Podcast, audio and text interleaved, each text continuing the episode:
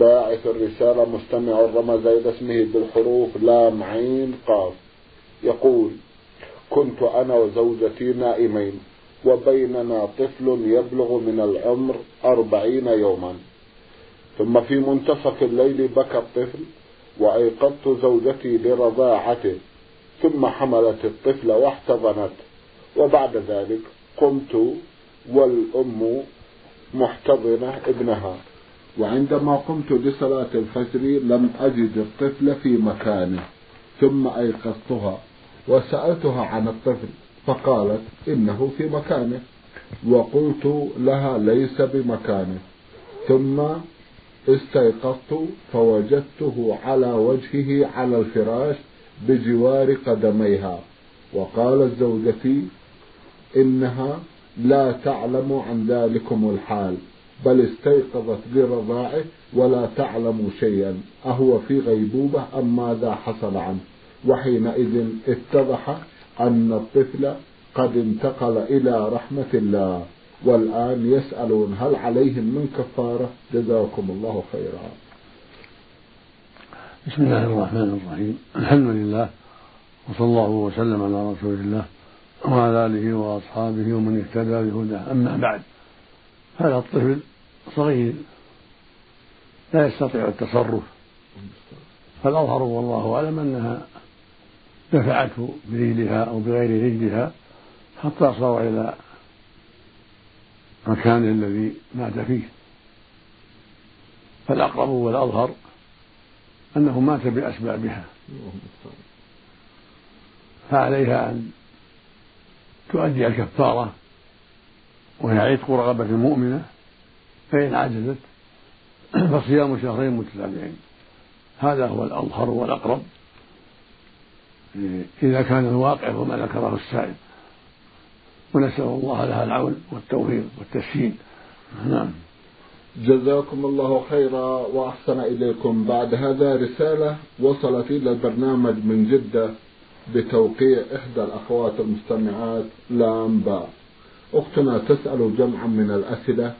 في أحدها تقول سافرنا إلى دولة إسلامية وعند وصولنا سألنا إحدى الجارات عن القبلة فأشارت إلى جهة معينة علما بأن هذه المرأة مسلمة وصلينا إلى تلك الجهة فترة من الزمن. وعندما سافرنا مرة أخرى تحرى أحد أقاربنا القبلة من المسجد وكانت القبلة غير الجهة التي صلينا إليها سابقا. فصلينا جهة القبلة التي أخبرنا بها وأخبرنا بها قريبنا.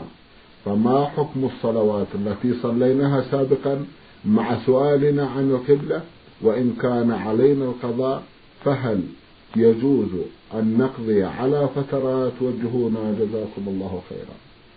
إذا كان الواقع ما ذكرتم فليس عليكم قضاء.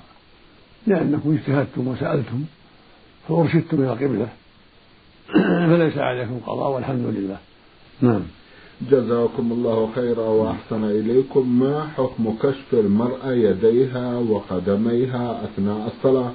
وما حكم من كانت تصلي دون تغطية وجهها وكفيها وهي لا تعلم بالحكم؟ الواجب على المرأة عند أكثر أهل العلم ستر رجليها في الصلاة. أما الوجه فالسنة كشفه في الصلاة. إذا لم يكن عندها أجنبي. وأما الكفان فأمرهما أوسع. إن سترتهما فهو أفضل وإن كشفتهما فلا حرج. وصلاتها صحيحة والحمد لله. جزاكم الله خيرا وأحسن إليكم. متى يبدأ الليل؟ هل من بعد أذان المغرب أم من بعد أذان العشاء؟ وهل يمتد إلى أذان الفجر؟ الليل ما بين غروب الشمس إلى طلوع الفجر. هذا هو الليل. ما بين غروب الشمس إلى طلوع الفجر الصادق. هذا هو الليل. نعم. جزاكم الله خيرا وأحسن إليكم. هل يمكن أن أفتح المذياع على القرآن الكريم وأنا أعمل؟ وهذا مستمع يقول أخوكم المحبوب. لا حرج تستمع وأنت في عملك. الحمد لله. تسمع القرآن وأنت تشتغل في الكتابة أو النجارة أو غير ذلك. نعم. جزاكم الله خيرا وأحسن إليكم رسالة من الجزائر بتوقيع إحدى الأخوات في الله رمزت إلى اسمها بالحروف حافا أختنا تسأل وتقول بالنسبة لصيام يومي الاثنين والخميس هل يأثم هل يأثم المسلم الذي لا يصومهما متتابعة لعذر كالمرض أو عدم استطاعته؟ جزاكم الله خيرا. آمين. تقول بالنسبة لصيام يومي الاثنين والخميس هل يأثم الإنسان الذي لا يصومهما متتابعة لعذر كالمرض أو غيره أو لعدم الاستطاعة؟ صومهما مستحب وليس بواجب. ولا يأثم من ترك صومهما. ولو صامها في بعض الأيام أو في بعض الشهور وترك لا حرج كل ذلك لا حرج فيه. إلا أن يكون نذر ذلك إلا أن يكون نذرا لله صوم الاثنين والخميس فيلزمه الصوم. لأن الرسول يقول من نذر أن يطيع الله فليطعه. أما إذا كان ما نذر فهو مخير إن شاء صام وإن شاء أفطر. والصوم مستحب فقط. فمن واظب عليه فله أجره ومن ترك بعض الأحيان فلا حرج عليه. وهكذا صوم ست من شوال وهكذا صوم ثلاثة أيام من كل شهر. كل ذلك مستحب. من صام فله أجر ومن ترك فلا حرج. ومن صام بعض الشهور وترك بعض الشهور أو صام بعض أيام الاثنين والخميس وترك بعض الأيام كل ذلك لا حرج فيه إلا من نذر. نعم. إلا إذا نذر صوم الاثنين والخميس أو نذر صيام ثلاثة أيام من كل شهر فهذا يلزمه الوفاء بنذره نعم. جزاكم الله خيرا وأحسن إليكم. تسأل أختنا عن حكم قطع أو قص الشعر من الأمام وليس بنية التشبه وإنما للزينة. قص بعض الشعر من الأمام أو أطراف الشعر. للتخفيف أو للزينة من غير تشبه بالكافرات ولا بالرجال لا حرج فيه. لكن ترك الرأس كاملا أفضل لأنه زينة المرأة. وقص بعضه للحاجة أو للزينة أو لأنه كثيف. من غير قصد التشبه بالكافرات ولا بالرجال لا حرج فيه. قد ثبت أن أزواج النبي صلى الله عليه وسلم بعد وفاته صلى الله عليه وسلم قصصن رؤوسهن من طولهن من طولها نعم. جزاكم الله خيرا وأحسن إليكم. رسالة بعث بها أحد الإخوة المستمعين وضمن رسالته عددا من الأسئلة. في أحدها يقول رجل دخل في الصلاة واستكملها وسلم وبعد ذلك تذكر أنه غير متوضئ فما الحكم؟ عليه أن يعيد. عرف أنه صلى بغير وضوء. يلزمه أن يعيد الصلاة. نعم. جزاكم الله خيرا وأحسن إليكم. يسأل أيضا هل يجوز لطالب العلم الشرعي أن يأخذ من الزكاة علما بأنه في أمس الحاجة؟ لا حرج على طلبة العلم أن يأخذوا من الزكاة إذا كانوا فقراء. سواء كانوا طلابا في المساجد أو في المؤسسات العلميه لا حرج عليه. إذا كان فقيرا ليس عنده ما يقوم بحاله فله يأخذ من الزكاة. نعم. جزاكم الله خيرا. هل قراءة القرآن سرا؟ وإهداء الثواب إلى الميت يصل أم لا؟ وما الدليل على الجواز أو عدم الجواز؟ إهداء القرآن سرا أو جهرا لا دليل عليه والعبادات توقيفية. فالدليل على من؟ أجاز وإلا فالأصل منع يقول النبي صلى الله عليه وسلم من عمل عملا ليس عليه أمرنا فهو رد يعني مردود. ويقول عليه الصلاة والسلام من أحدث في أمرنا هذا ما ليس منه فهو رد.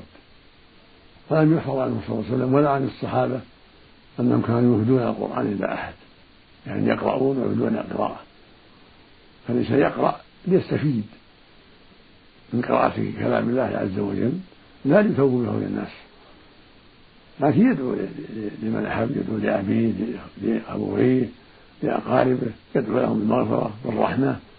لا بأس الدعاء طيب. صدقة بالمال لا بأس. الحج عن الميت منهم أو العاجز الذي لا يرجى بره المريض أو الهرم يحج عنه أو يعتمر كل هذا لا بأس له. أما أن يهدي القرآن يقرأ القرآن يهديه لميت أو لحي هذا لا دليل عليه. فالأصل منع. نعم.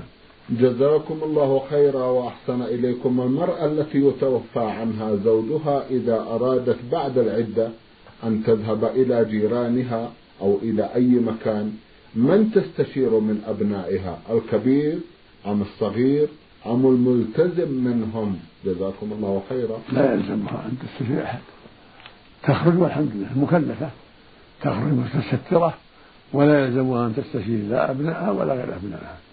جزاكم الله خيرا. إذا خرجت خروجا شرعيا نعم. فليس لأحد اعتراض عليها. سواء كانت أما أو أختا أو أو بنتا إنما يجب على وليها أن يلاحظها كأبيها أو أخيها إذا رأى منها ما لا ينبغي منعها نعم. جزاكم الله خيرا. أيضا يسأل عن تلك المرأة هل يجوز أن تسافر بعيدا أو قريبا بدون محرم المرأة ليس لها السفر إلا المحرم المرأة ليس لها أن تسافر حتى للحج والعمرة إلا المحرم يقول النبي صلى الله عليه وسلم لا تسافر امرأة إلا مع المحرم متفق على صحته من حديث ابن عباس رضي الله عنهما. فليس لها أن تسافر إلى مكة أو غيرها إلا المحرم نعم. جزاكم الله خيرا وأحسن إليكم امرأة تذهب إلى أبناء عمها أو أبناء خالها وترجع إلى البيت مع أحدهم في سيارة بدون محرم بحجة أنها عجوز فما الحكم؟ لا يجوز. المرأة ليس لها أن تخلو بالرجل سواء ابن عم أو ابن خال أو ليس بقريب لابد يكون معهما ثالث. يقول النبي صلى الله عليه وسلم لا يخلو الرجل امرأة فإن الشيطان ثالثهما ولا فرق بين العجوز والشابة لكن الشابة أشد خطرا. والنبي صلى الله عليه وسلم عمم ولم يقل إلا أن تكون عجوزا. يقول صلى الله عليه وسلم لا يخلون رجل بامرأة فإن الشيطان ثالثهما والشيطان يخشى على يخشى من على الرجل مع المرأة العجوز ومع غيرها. نسأل الله السلامة. نعم. اللهم آمين. جزاكم الله خيرا وأحسن إليكم. رجل باع أرضا ولم يعطي أخواته الميراث وحج مرتين بدون إذنهن علما بأنهن غير راضيات بذلك بل يطالبن بإلحاح. هل الحج صحيح؟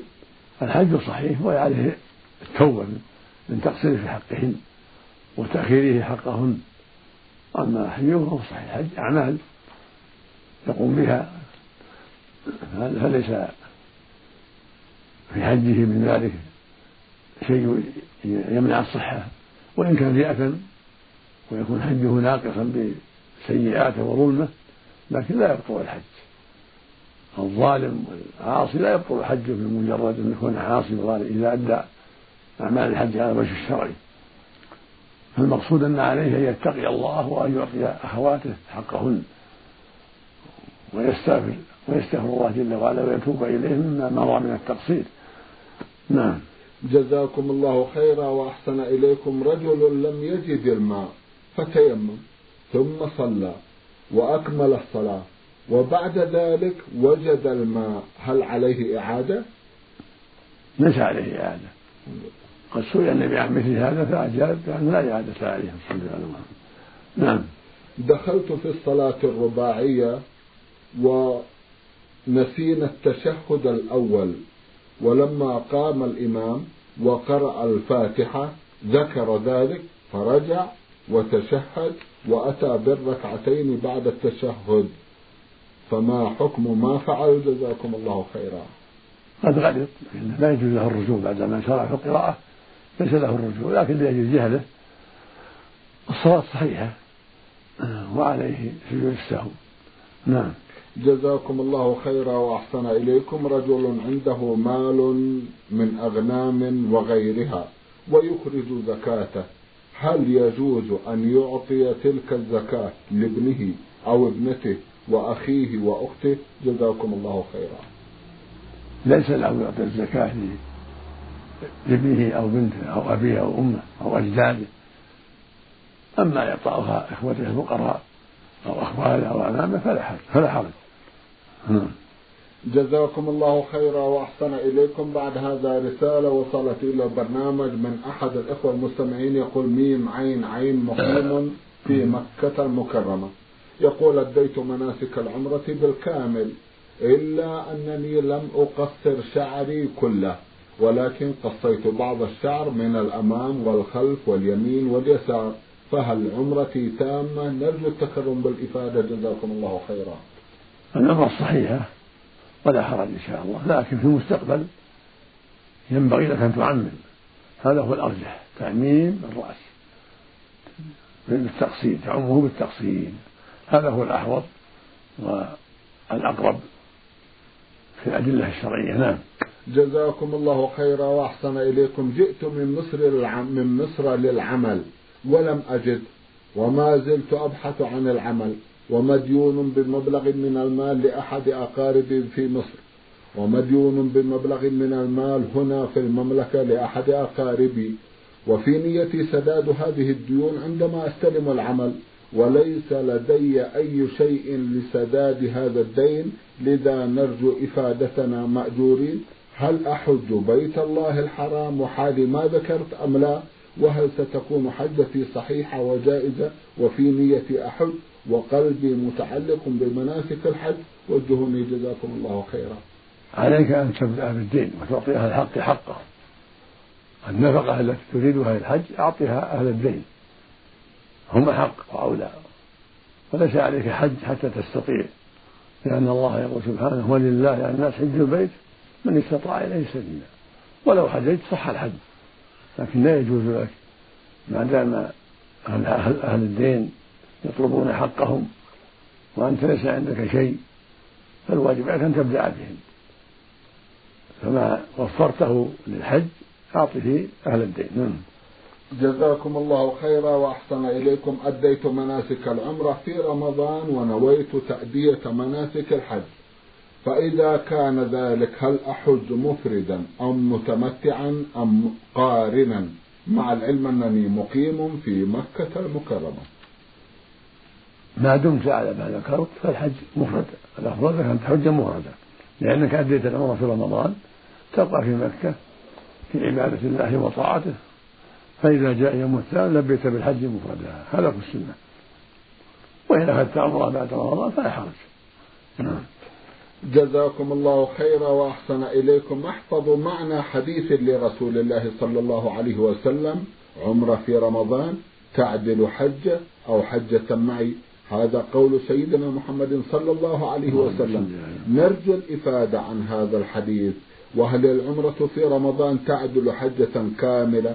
وهل الثواب يعدل ثواب حج أفيدونا مأجورين؟ جزاكم الله خيرا. نعم الحديث صحيح. متفق على صحته يقول النبي صلى الله عليه وسلم عمرة في رمضان تعدل حجة. في رواية أخرى حجة معي فهي لها فضل عظيم العمرة في رمضان والحديث صحيح. فينبغي للمؤمن اغتنام الفرص إذا تيسر ذلك. نعم. جزاكم الله خيرا وأحسن إليكم. من اليمن رسالة بعث بها المستمع عبد الرحمن أحمد عبد الله. يسأل ويقول هناك جدل في مسألة الرؤية أي رؤية الله سبحانه وتعالى يوم القيامة. وقد كثر الخصام. فمن الناس من يقول إن الله لن يرى ومنهم من يقول إنه سيرى وكل منهم يأتي بالأحاديث. وبعض الآيات الكريمة لنفي أقوال الطرف الآخر. افتونا جزاكم الله خيرا حول هذا الموضوع. وفقكم الله. قول أهل السنة والجماعة وهو إجماع الصحابة رضي الله عنهم وإجماع أهل السنة بعدهم أن الله سبحانه يرى يوم القيامة يراه المؤمنون ويرونه في الجنة أيضا. أجمع أهل العلم على هذا. أجمع علماء الصحابة والمسلمون الذين هم أهل السنة والجماعة على هذا. وقد دل عليه القرآن العظيم والسنة المطهرة الصحيحة. يقول الله عز وجل وجوه يومئذ ناظرة إلى ربها ناظرة. ناظرة يعني بهية جميلة. إلى ربها ناظرة تنظر إلى وجهه الكريم سبحانه وتعالى. وقال عز وجل للذين أحسنوا الحسنى وزيادة. صح عن رسول الله عليه الصلاة والسلام أنه قال الحسنى الجنة والزيادة النظر إلى وجه الله. وقال عليه الصلاة والسلام كفرة كلا إنهم عن ربهم يومئذ لمحجوبون. فإذا حجب الكفار علم أن المؤمنين غير محجوبين بل يرون ربهم في القيامة وفي الجنة. وقد تواترت الأحاديث عن رسول الله صلى الله عليه وسلم أن المؤمن يرى ربهم في القيامة وفي الجنة. يقول صلى الله عليه وسلم إنكم ترون ربكم يوم القيامة كما ترون القمر. ليلة البدر لا تمارون في رؤيته في الأرض لا تضارون في رؤيته في اللفظ الآخر كما ترون الشمس صحوا ليست دونها سحاب كلام بين واضح. يبين عليه الصلاة والسلام أن المؤمنين يرون ربهم رؤية ظاهرة جلية. كما ترى الشمس صحوا ليس دونها سحاب وكما يرى القمر ليلة البدر. ليس هناك سحاب وهل بعد هذا البيان بيان ما أوضح هذا البيان وما أبينه وما أكمله. وأخبر صلى الله عليه وسلم أنهم يرونه في الجنة أيضا. فمن أنكر الرؤية فهو مرتد ضال من أنكر رؤية الله للمؤمنين كن يرونه يوم القيامة وفي الجنة فهو ضال مبتدع نسأل الله العافية. نعم. جزاكم الله خيرا وأحسن إليكم. المستمع يوسف عبد الرازق بعث يسأل ويقول عندما يموت إنسان يجتمع الناس في بيت أهل الميت وكل واحد يأتي بأكل معين لمدة ثلاثة أيام. ما رأيكم في هذا وما هو توجيهكم؟ جزاكم الله خيرا. الاجتماع الذي يحصل بالتعطيل الأعمال لا دليل عليه. الأفضل ترك ذلك لا ينبغي مثل هذا. أما أهل البيت إذا جلسوا في محلهم المعتاد حتى يسلم عليهم الناس ويعزونهم فلا بأس. لكن ليس لهم أن يصنعوا للناس طعاما. أما إذا صنع بعض الناس إليهم طعاما أرسله إليهم فلا بأس. قد جاء النبي صلى الله عليه وسلم أنه أمر أهل بيته أن يصنعوا لآل لآل جعفر طعاما لما جاء خبر موته رضي الله عنه جعفر بن أبي طالب. رضي الله عنه لما جاء خبر قتله رضي الله عنه يوم مؤته أمر النبي صلى الله عليه وسلم أهل بيته أن يصنعوا لآل جعفر طعاما. وقال إنه أتاهم ما يشغلهم. فإذا صنع الجيران أو الأقارب لأهل الميت طعاما أيام الحزن فلا بأس. وإذا نادوا عليه من يأكل معهم فلا بأس. أما هم أما أن يقوموا هم بصنع الطعام للناس ودعوة الناس هذا لا, لا أصل له. بل يجب تركه. لما ثبت عن جرير بن عبد الله البجلي رضي الله عنه قال كنا نعد الاجتماع إلى الميت وصنعة الطعام بعد الدفن من النياحة والنياحة محرمة لكن إذا زارهم الناس وعزوهم وشربوا القهوة أو الشاي أو أكلوا طعاما قد أهدي إليهم أكلوا معهم منه لا حرج عليهم بها. نعم. جزاكم الله خيرا وأحسن إليكم في شهر رمضان. نصلي بعد العشاء إحدى عشرة ركعة بصلاة الوتر. فهل عملنا هذا من قيام الليل؟ نعم هذا أفضل ما يكون. إحدى عشرة هذا أفضل أفضل ما يكون من القيام. كان النبي كان النبي صلى الله عليه وسلم يحافظ على هذا في جميع السنة عليه الصلاة والسلام. هذا هو الأغلب من فعله أحد عشر. وربما صلى ثلاث عشرة. وربما صلى أقل من ذلك. لكن تقول عائشة رضي الله عنها إن هذا هو الغالب من فعله صلى الله عليه وسلم. إحدى عشرة ركعة. يسلم من كل ثنتين في رمضان وفي غيره. وإذا صلى الناس أكثر ثلاثة عشر أو عشرين أو فلا حرج فيه على أمر واسع الحمد لله. يقول النبي صلى الله عليه وسلم في الحديث الصحيح صلاة الليل مثنى مثنى. فإذا خشي أحدكم الصبح فأوتر ركعة واحدة. صلى ركعة الوتر وما قد صلى ولم يحدد للناس ركعات معينة. فدل على أنه لو صلى ثلاث عشرة أو خمس عشرة أو عشرين لا حرج في ذلك. يسلم من كل اثنتين. لكن الأفضل إحدى عشرة أو ثلاث عشرة. لأن هذا هو الغالب من فعل النبي عليه الصلاة والسلام. نعم. جزاكم الله خيرا وأحسن إليكم من محافظة بني سويف رسالة بعث بها المستمع عبد الوهاب معوض يسأل إذا مات الوارث قبل الموروث فهل يحق لأهل الوارث أن يطالبوا بالميراث من أهل الموروث؟ جزاكم الله خيرا. إذا مات. الوارث قبل الموروث. فهل يحق لأهل الوارث أن يطالبوا بالميراث من أهل الموروث؟ اللي يموت قبل الموروث ما له شيء. شرط الإرث يكون بعد الموروث فإذا مات الابن قبل أبيه ما له شيء. وإذا مات الأخ قبل أخيه ما له شيء. الورث لمن بقي لمن كان حيا وقت الموت. الإرث لمن كان حيا وقت موت قريبه أما من مات قبل ما له شيء. نعم. جزاكم الله خيرا وأحسن إليكم. مستمع سوداني هو الطاهر. الطاهر. يقول إذا كان هناك فرق بين النبي والرسول فمن هو أول رسول بعث وما هو الفرق بين النبي والرسول؟ جزاكم الله خيرا. مشهور بعد العلماء أن النبي هو الذي يوحى إليه بشرع لكن لا يؤمر بتبليغه بل هو وحي لنفسه يعني أمر في نفسه بالعمل فهذا يقال له نبي. فإذا أمر بالتبليغ لتبليغ الناس فهذا يقال له رسول نبي الرسول. وقال آخر من أهل العلم إن النبي هو الذي يكون مبعوثا بشريعة سبقه إليها نبي قبله كالأنبياء بعد موسى الذين يحكمون بالتوراة. فيقال لهم أنبياء ورسل. أما الرسول المستقل كموسى ونوح وهود هؤلاء يقال لهم رسل. وهم أنبياء أيضا. وبكل حال فالأمر في هذا واسع والأقرب أن الرسول يسمى نبي والنبي يسمى رسول. ولهذا قال جل وعلا وما أرسلنا من قبلك من الرسول ولا نبي إلا إذا تمنى ألقى الشيطان في أمنيته. فالنبي يسمى رسولا لأنه أوحي إليه بشرع وإن كان لنفسه. وإذا أمر بالتبليغ صار رسولا لنفسه ولغيره. فالأمر في هذا واسع نعم.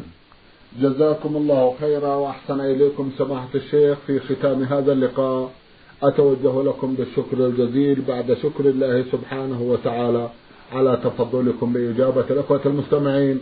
وآمل أن يتجدد اللقاء وأنتم على خير. نسأل الله مستمعي الكرام كان لقاؤنا في هذه الحلقة مع سماحة الشيخ عبد العزيز ابن عبد الله بن باز المفتي العام للمملكة العربية السعودية. ورئيس هيئة كبار العلماء. شكرا لسماحة الشيخ. وأنتم يا مستمعي الكرام شكرا لحسن متابعتكم. ونحن نرحب برسائلكم على عنوان البرنامج. المملكة العربية السعودية الرياض الإذاعة برنامج نور على الدرب. مرة أخرى شكرا لكم مستمعي الكرام. وإلى الملتقى. وسلام الله عليكم ورحمته وبركاته. ولكم تحيات زميلي فهد العثمان من الإذاعة الخارجية.